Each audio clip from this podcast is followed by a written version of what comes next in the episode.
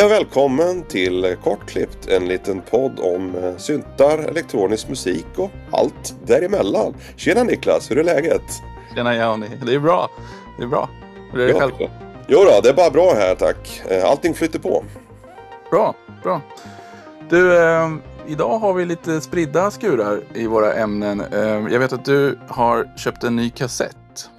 Ja, det har jag gjort. Det var så himla roligt. Jag sprang på på ett socialt forum. Jag tror det var Facebook först och sen 99 musik. Andreas Tilliander och Christian Berg eh, från Kite eh, har släppt en kassett med typ ett gäng låtar. Eh, det påminner lite grann om eh, ja, lite Alessandro Cortini, Avanti, typ den plattan åt det hållet. Lite så här lullaby-känsla på låtarna. Helt fantastisk skiva. Men det är inte låtarna som är så kul utan det är sättet som de producerar kassetterna på. Och det här tyckte jag var helt, helt fantastiskt roligt. Alltså de tar och spelar in mastern på en vanlig eh, kassett. Och sen så kopierar de då den mastern till nästkommande kassett. Sen tar de den kassetten så fortsätter de och kopierar. Eh, så att ljudet allt eftersom kommer att degraderas och bli sämre. jag tyckte det var en fantastiskt rolig idé. Alltså det är väldigt svårt att tänka sig då hur eh, den här musiken kommer att låta när kassetterna kopieras ett antal gånger. Men man får ju lite så här reflektioner och vibbar till gamla kassetter som man kopierade från vänner när man var yngre. Eh, ja men du, eh, du, har en, du har den där mixkassetten, kan jag få göra en kopia på den? Ja, ja visst, visst, fine. Så vart det några iterationer, du börjar liksom tillföra en hel del brus och svaj och brum och distorsion. Eh, och det tyckte jag var otroligt spännande. Eh, inte bara det att låtarna som de har släppt är fantastiska och så här jätte, jättesköna. Mycket ambient eh, känsla i dem. Men det, det, det, det, det kittlar lite grann eh, min eh, inspiration. Alltså hur kommer den här alltså kassetten som jag nu har beställt, hur kommer den att låta? Förhoppningsvis så är det inte den första kopian utan kanske någon lite senare iterationerna och det ser jag extremt mycket fram emot. det, det, blir ju lite grann som att själva utgivningen blir en del av konstverket för jag antar att vadå, de skulle göra hundra kassetter tror jag. Hundra kassetter precis ja, precis. Ja, jag tror att den hundrade kassetten är väl kanske inget man njutningslyssnar alldeles för ofta på. Ja, alltså jag tror det är spännande ändå. Alltså, det kommer säkert låta kaotiskt. Men jag fick en sån här, hmm, vi kör om man skulle göra en mix på den där lilla snutten man får. Ja. Du vet, eh, version 99 och så gör man en remix på låtarna. I men, det dyker upp många idéer i huvudet. Men jag tycker att det är en fantastiskt rolig idé. Både som konstform men även en musikalisk grej. För att Eh, det som är så roliga med musiken, vi ska ju nämna det också att eh, bandet heter Wind and Fire. Och kassetten heter WF, WF1 tror jag och finns på Bandcamp. Så man googlar på Wind and Fire. Eh, släpps på Tillianders egna lilla bolag Repeatel. Så där, där bör man kunna hitta den. Vi kan också länka den i Soundcloud kan vi göra. Absolut. Nej men eh, det påminner lite grann om den här snubben som jag hade tänkt att jag skulle kolla upp exakt vad han hette inför det här. Men han Lucien någonting. Uh, I'm sitting in a room har han spelat in och så spelar han upp det runt, runt, runt. Ja, just det, just det. Det, det som är intressant med den är väl att att det är väl en, en mikrofon som tar upp inspelningen så att själva rummet eh, resonanser och sånt där ändrar klangen på det som spelas in. Så det är ju en annan form av akustisk degradering snarare än, än bara liksom kassettkopieringsbiten. Jag har faktiskt inte hört den grejen, eh, hur den låter, utan jag har bara hört talas om det. Ja, nej men den finns ju samplad i olika låtar, bland annat eh, 20 Hertz då som jag mixade och masterade förra hösten, för förra hösten. Mm. Han hade med det i en av sina låtar till um, Lamours um, julkalender det året. Mm. Mm. 2021 blir det då, då. Och alltså det här är ju ett 40 minuter långt stycke. Det finns på uh, Youtube. Att det är bara att söka på det. I'm sitting in a room. Eller något sånt där. Och alltså efter bara 20 minuter så är det ju väldigt, väldigt förändrat. Mm. Eh, så det ska bli väldigt intressant att höra hur den här kassetten låter. För, för den blir ju liksom elektroakustiskt förändrad i och med att ljudet går genom kretsar och sen ner på ett band mm. och liksom förändras då magnetiskt. Jag hoppas ju på mycket svaj. Eh, nu vet inte jag eh, vilka typ av bandspelare de använder men de är säkert ganska moderna. Men någonting som jag tycker om det är ju när band svaj och fluktuerar. Typ gamla analog eh, delay och sånt där. Tape delay har ju en viss charm i det här svajet. Men det är kanske är någonting som jag inte kommer att få uppleva. Men jag kan alltid hoppas. hoppas. Jag, han skrev på 99, Andreas, vad han hade gjort. Eller att, vilken bandare han hade använt och eh, att han hade fått tag på någon som var lite taskigt skick. Så att på bara 10 kopior så hade det degraderats alldeles för långt. Liksom. Så Okej. han fick den uppfräschad då. Eh, men det är en, alltså en kul grej också. Det där med eh, analog delay svaj. Jag håller på med en låt just nu där jag eh, jag gör lite så här dubbekon och lite grejer. Och jag tycker att de lät lite för statiska. Jag använder eh, Soundtoys eh, Echoboy Junior. Det är min go-to delay-plugg. Så jävla bra är den. Helt fantastisk. Eh, men då har jag upptäckt då att om man, om man ställer delay-tiden på den tid man vill ha i, i musikalisk benämning då, så säg en åttondel då. Mm. Eller en åttondel eh, punktuerad brukar man ju köra på dubb. Ja, skitsamma. Och sen så byter man från, tid, från eh, musikalisk tid till riktig tid eller vad man ska säga. Så man får den i millisekunder. Då kan jag i Bitwig modulera den några millisekunder fram och tillbaka med en liten fluktuerande slumpsignal. Så då får jag ett svaj-eko. Och det låter så jäkla gott i den där burken. Ja, det, det blir som ett korus nästan. Jag vet Arturia har ju någon, eh, någon eh, variant på Eh, Rolands gamla Space Echo som låter väldigt, väldigt bra. Det har de sån här wow, and flutter ratt man kan dra på. Jag tror väl att den gör någonting där också, att den får liksom bandet eller då Alltså en, en emulation av bandet och, och, och inte gå med samma hastighet hela tiden. Och det är ju en väldigt skön effekt. Men även om du överdriver den här grejen, att du verkligen liksom saktar ner bandet och ökar på bandet så får du en sjukt roligt rum där. Och så lägger du ett fint reverb på det också i slutändan så får du så här Ja det, det blir så här magiska, magiska dubbklanger. Ja, och nu insåg jag ju att, att den stora Ecoboy kanske har det där i någon av sina style-grejer. Så att jag kanske har gått över ån efter vatt. Säkert. Nej men alltså jag tycker det är viktigt det där att göra på det sättet som man själv är bekväm med. Eh, och framförallt att du liksom eh, i detalj kan styra hur du vill modulera det också tror jag är viktigt. Eh, även om det finns en ratt som kör modulate så gör den någonting magiskt i bakgrunden. Så förstår man ändå inte riktigt vad som händer. Jag tror att det kan vara en litet plus faktiskt. Om man behöver diala tillbaka eller justera tillbaka det om det blir för mycket. Till exempel. Sen är det ju en smaksak naturligtvis, men personligen så jag, tycker jag att många analoga delayer och deras emuleringar låter för mufflat. Att det har liksom tagit ner för mycket av de höga frekvenserna så att man tappar känslan för dem. Är det, är det Nils Fram som kör Space Echo och Juno 60 tror jag? Eh, Så har han, eh, vad heter det, tonhuven eller de här rullbanden eller vad det är någonting. Där har han exponerat. Och sen så bromsar han det med, med, med handen. När han spelar. Det blir sådana miu, miu grejer som är riktigt snyggt.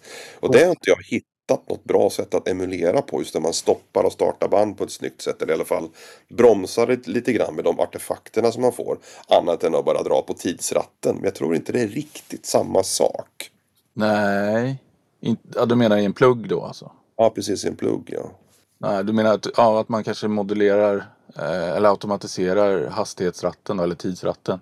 Precis, precis. Men det händer ju någonting. Det blir ju en acceleration när man släpper. Och den blir väl inte likadan kanske när man drar på tidsratten. Det går säkert att emulera. Ja, en liten, ett litet sidospår kanske för ett annat avsnitt. Ja, det skulle vi kunna ta en annan gång. Men det är intressant. Delay är en favoriteffekt och att få det riktigt snyggt eh, kan vara svårt ibland. Mm, mm. Men en annan sak som vi tänkte ta upp idag apropå kassetter och kassettdegradering är distorsion. Yes. Distorsion är ju också en favoriteffekt. Men eh, jag har ju klagat ett antal gånger på att jag tycker digitala distorsionspluggar inte riktigt låter så jäkla skönt.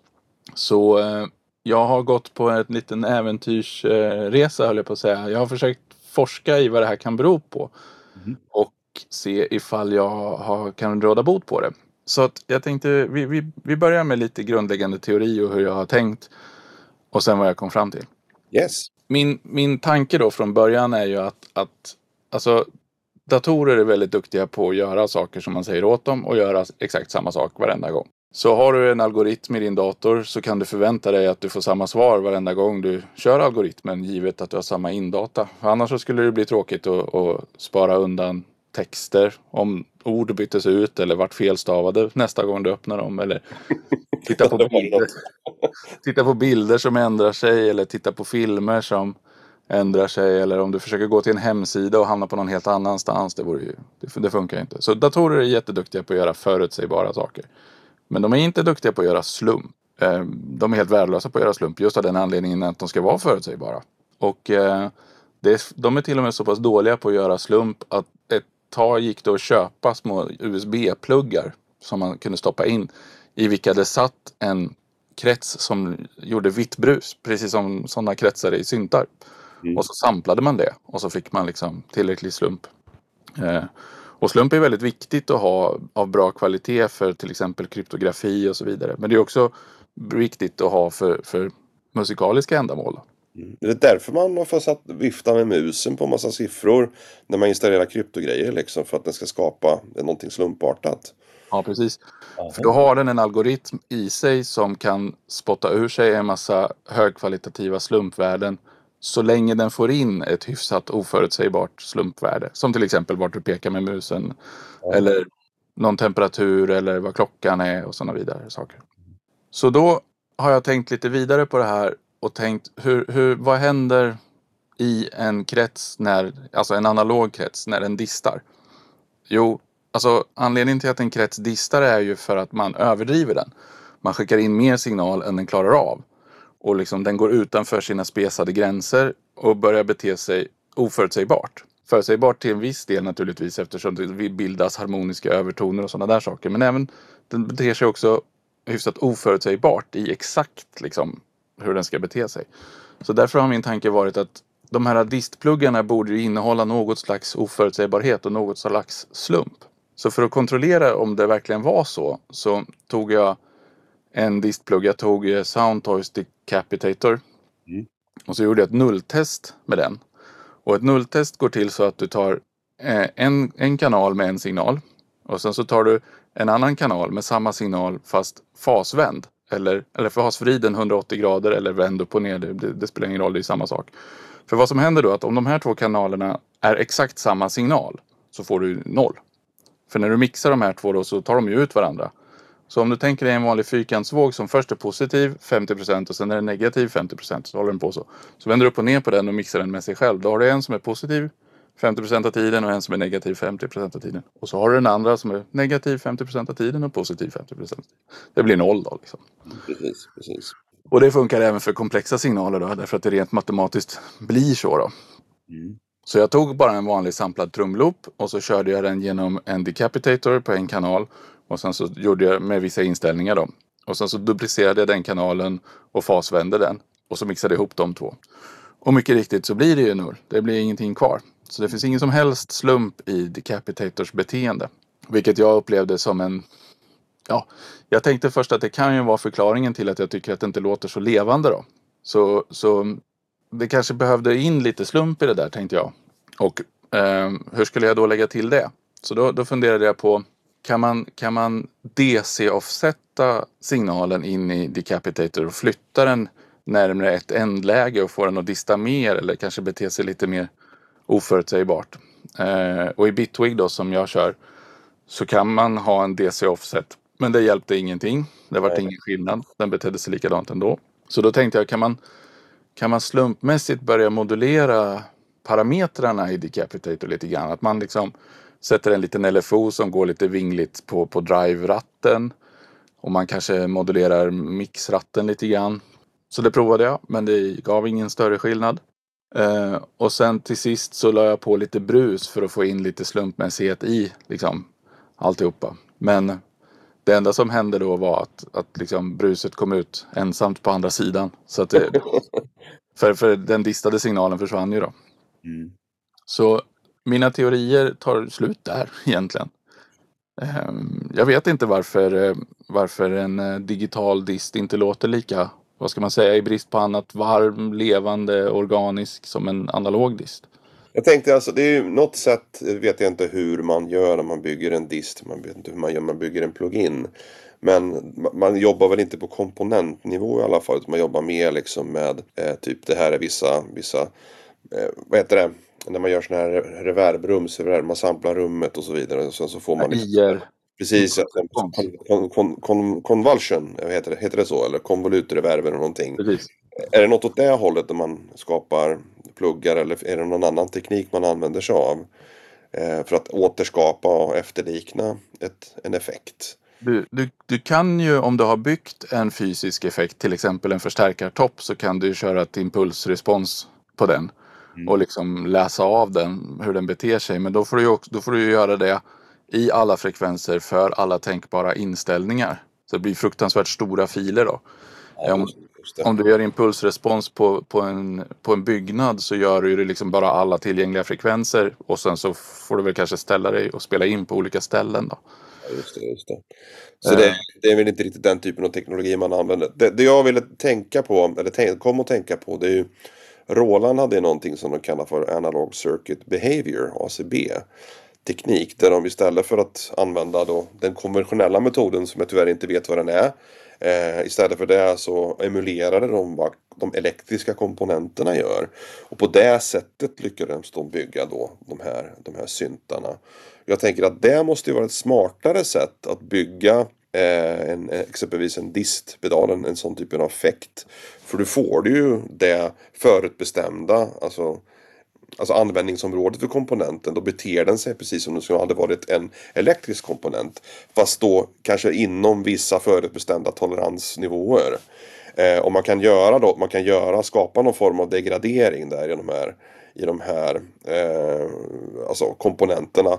På så sätt skulle man då kunna liksom få eh, mer levande ljud. att Okej, okay, den, den håller sig inom viss tolerans men den kan även fluktuera plus minus fem något värde. Och på så sätt då kunna åstadkomma den här känslan av att komponenterna inte beter sig exakt likadant varje gång. Och har du då en hel maskin som är byggd så är det väldigt många komponenter som kan påverkas. Och på så sätt skulle man kunna få en dist som egentligen låter mer autentiskt. Då.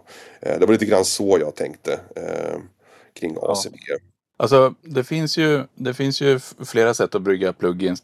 Du kan ju dels skriva rena algoritmer rakt upp och ner. Liksom. Så att, för att ta ett jätteenkelt exempel. Om du, om du får in en sampling och sen så får du in en sampling till. Så ut, det du skickar ut är hälften av skillnaden mellan de två. Alltså den första samplingen plus hälften av skillnaden mellan dem. Och så håller du på sådär hela tiden. Då får du ett lågpassfilter. Egentligen. Så det är en jätteenkel algoritm för att, för att göra ett lågpassfilter. Och sådana algoritmer kan du naturligtvis göra för, för vilken typ av audioeffekt du vill.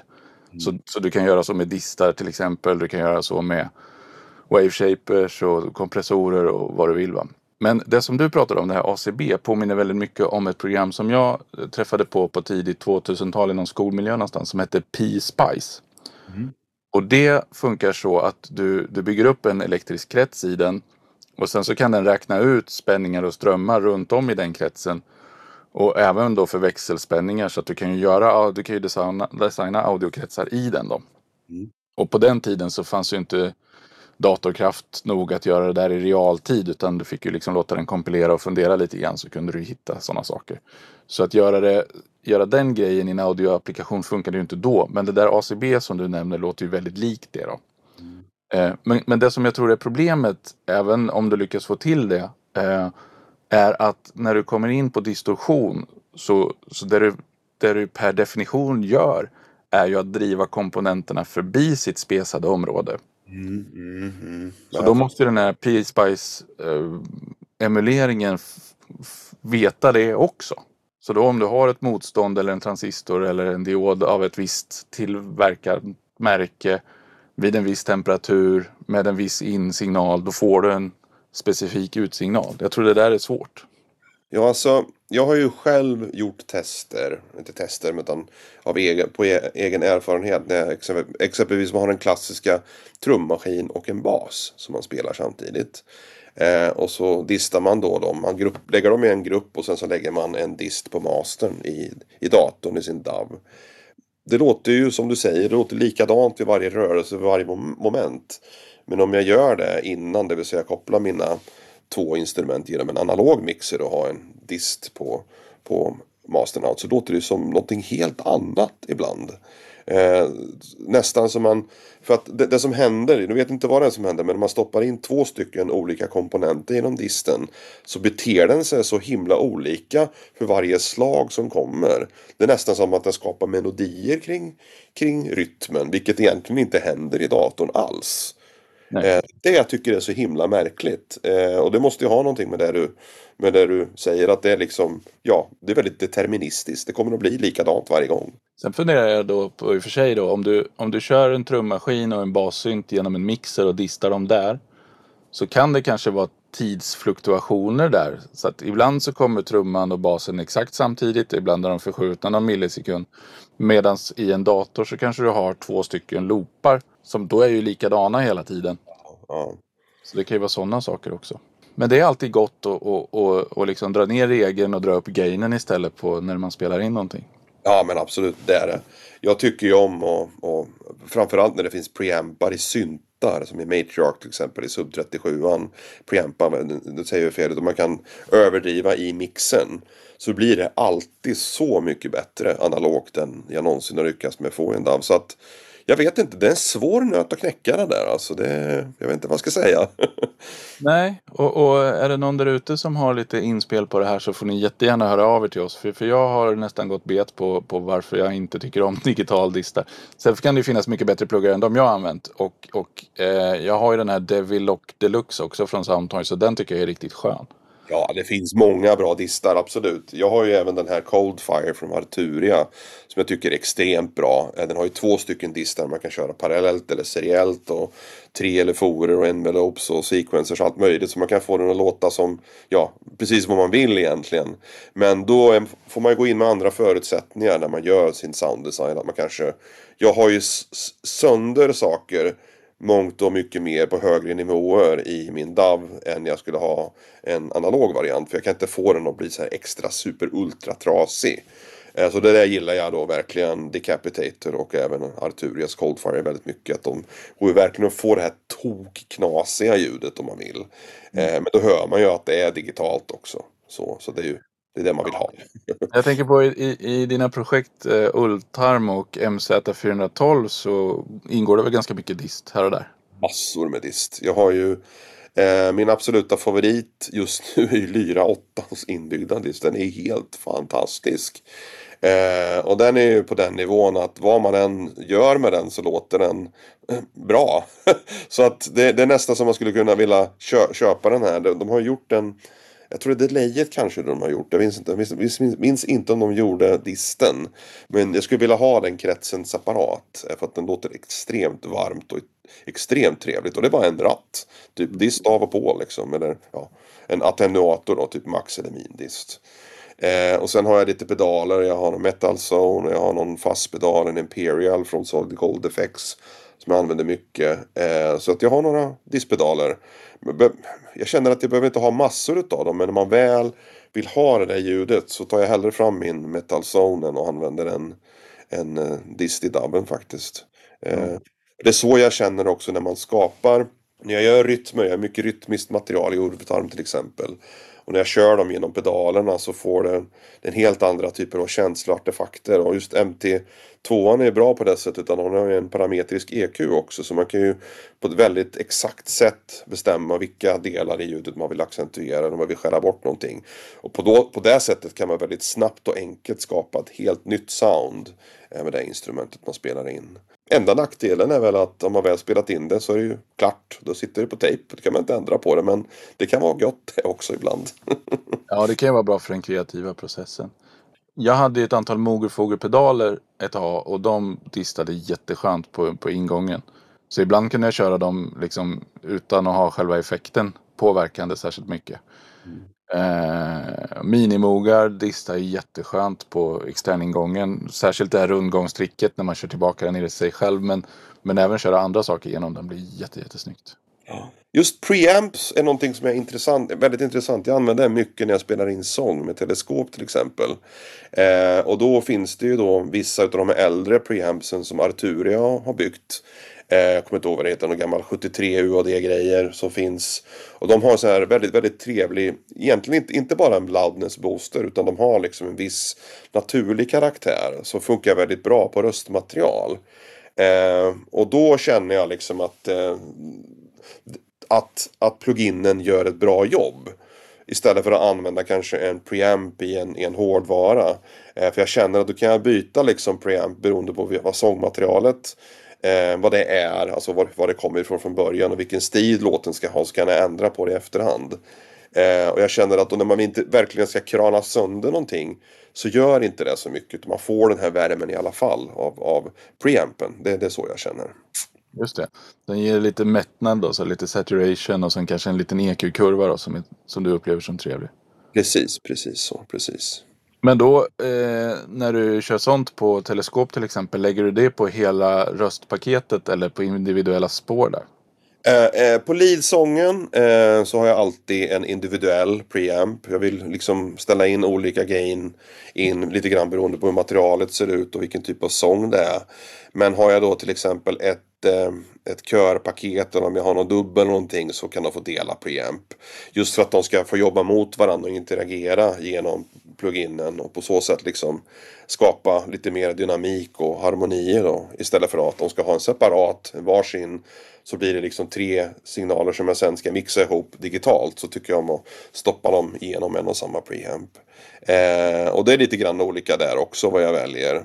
Det är helt och hållet på vad det är för låttyp. Eh, ska den låta kännas gammal? Ska den kännas modern? Ska det vara stuns i den? Ska det vara punch i den? Eller jag kanske gillar den här Pultec, eh, du vet kurvan liksom. Och då, då, då, funkar den väldigt bra, då får man ta den. Så, men det, det, är olika från låt till låt faktiskt. Det är nästan aldrig samma. Nej men det där har jag också tänkt på att liksom när man sätter sig och ska mixa en låt så är det nästan aldrig att man har någon sorts liksom, textbok att utgå ifrån. Att man, att man alltid gör på ett visst sätt och, och liksom alltid går via någon sorts regelbok. Jag tror att det var någon av de här Youtube-klippen jag såg på någon snubbe som hade en assistent som satte upp alla projekt åt honom. Så han, ja visst, så att när han kom och skulle sätta sig och börja mixa då var allting klart. Då var alla spåren lagda i en viss ordning. De hade fått vissa beskrivande namn och de hade fått eh, högpassfiltrering på alla spår som inte var bas. Och, ja. Jag är inte helt säker på att jag köper det. Nej, det skulle jag verkligen inte säga. Alltså, visst, det är väl bra om man ska se det ur en skolaspekt. Om du kanske aldrig har kommit i kontakt med musikinspelning någon gång och vill lära dig teorierna från grunden så kan det vara bra att förstå hur du komponerar ihop en låt och vad varje, liksom, vad varje kanal, vad varje instrument har för typ av material och så vidare. Och kunna separera dem, ha dem på olika olika grupper och sånt där. Men alltså jag kör ju helt tvärtom. Jag kör ju liksom Hejkon Bacon. In med allt på kanalen, gainstangare, se till så att det liksom finns ordentligt med signal in och inte brusar för mycket och inte distar om det nu inte ska dista. Så trackar jag allting så bygger jag låten allt eftersom jag spelar in grejerna. Jag tror nog att det där har ändrats lite grann från storstudiotänket med stora SSL-neverbord till hur vi sitter och arbetar hemma. Jag tror att vi liksom, i alla fall jag, mixar och spelar in samtidigt lite grann. Så istället för att göra det i olika segment. Ja, sen så tror jag att vi, jag som lärde mig mixa på, i digitalt liksom i en DAV med, med 32 bitars float grejer med oändligt headroom i stort sett. För mig är det ju liksom inte Många av de här sakerna som var väldigt viktiga förut när du satt på analoga bord och grejer. De behöver man inte tänka på så mycket längre. Så man kan vara mer pragmatisk och, och, och, och tänka mer ur ett problemlösande perspektiv snarare än ett liksom dogmatiskt systemperspektiv. Ja, det är den paniken man fick i, i ögonen när overload-lampan började lysa på, på bandaren. Då var så här, shit, det blir dyrt, får vi göra om? Ja, precis, precis. Och den här tagningen så var så jävla bra. Så precis. Ja, det är mycket att tänka på när man mixar, men det känns lite grann som vi håller på att rinna ut ur tid här och vi får ta det nästa gång. Ja, det kanske är bättre att ta det här i ett annat avsnitt. Jag vet inte, ni där ute som lyssnar också kanske har lite idéer om saker som ni tycker är intressanta. Inte bara ljuddesign, men mest för mixning och så då. Eh, saker som ni vill att vi skulle ta upp i ett eh, kommande avsnitt. Ja, men precis. Ska vi säga så att nästa avsnitt blir ett eh, mixfilosofi-avsnitt där vi pratar hur, hur, du och jag respektive tänker när vi sätter oss med en, med en låt, egna och andras.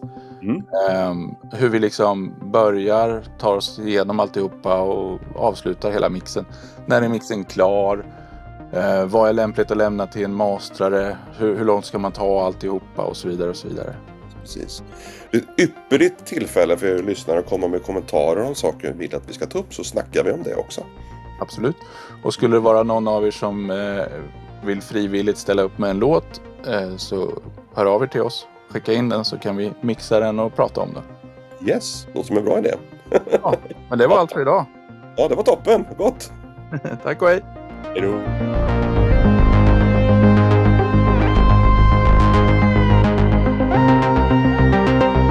Och sen glömde jag att, att eh, nämna att det bästa jag fick till när jag satt och lekte med den här disken var en grej som jag lärde mig av han Dan Warhol. Ja. Um, olika effekter kan bete sig annorlunda beroende på vilka frekvenser de får att jobba med. Men om du, om du boostar en frekvens in i en maskin eller plugg så är det inte säkert att du vill ha ut den frekvensen.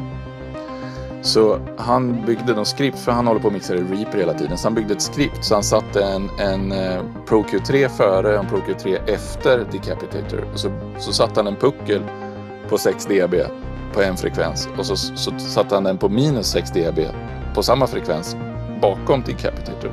Och så skriptet flyttade båda de där då. Så du, du boostar 6 dB in på, på en frekvens och så distar den skiten ur alltihopa och sen så tar du bort 6 dB på samma frekvens på utsidan. Det ändrar karaktären ganska mycket faktiskt. Jaha. Därför att den, den, den, den beter sig annorlunda när den distar andra frekvenser. Då. Mm. Ehm, så det, det var ganska intressant faktiskt.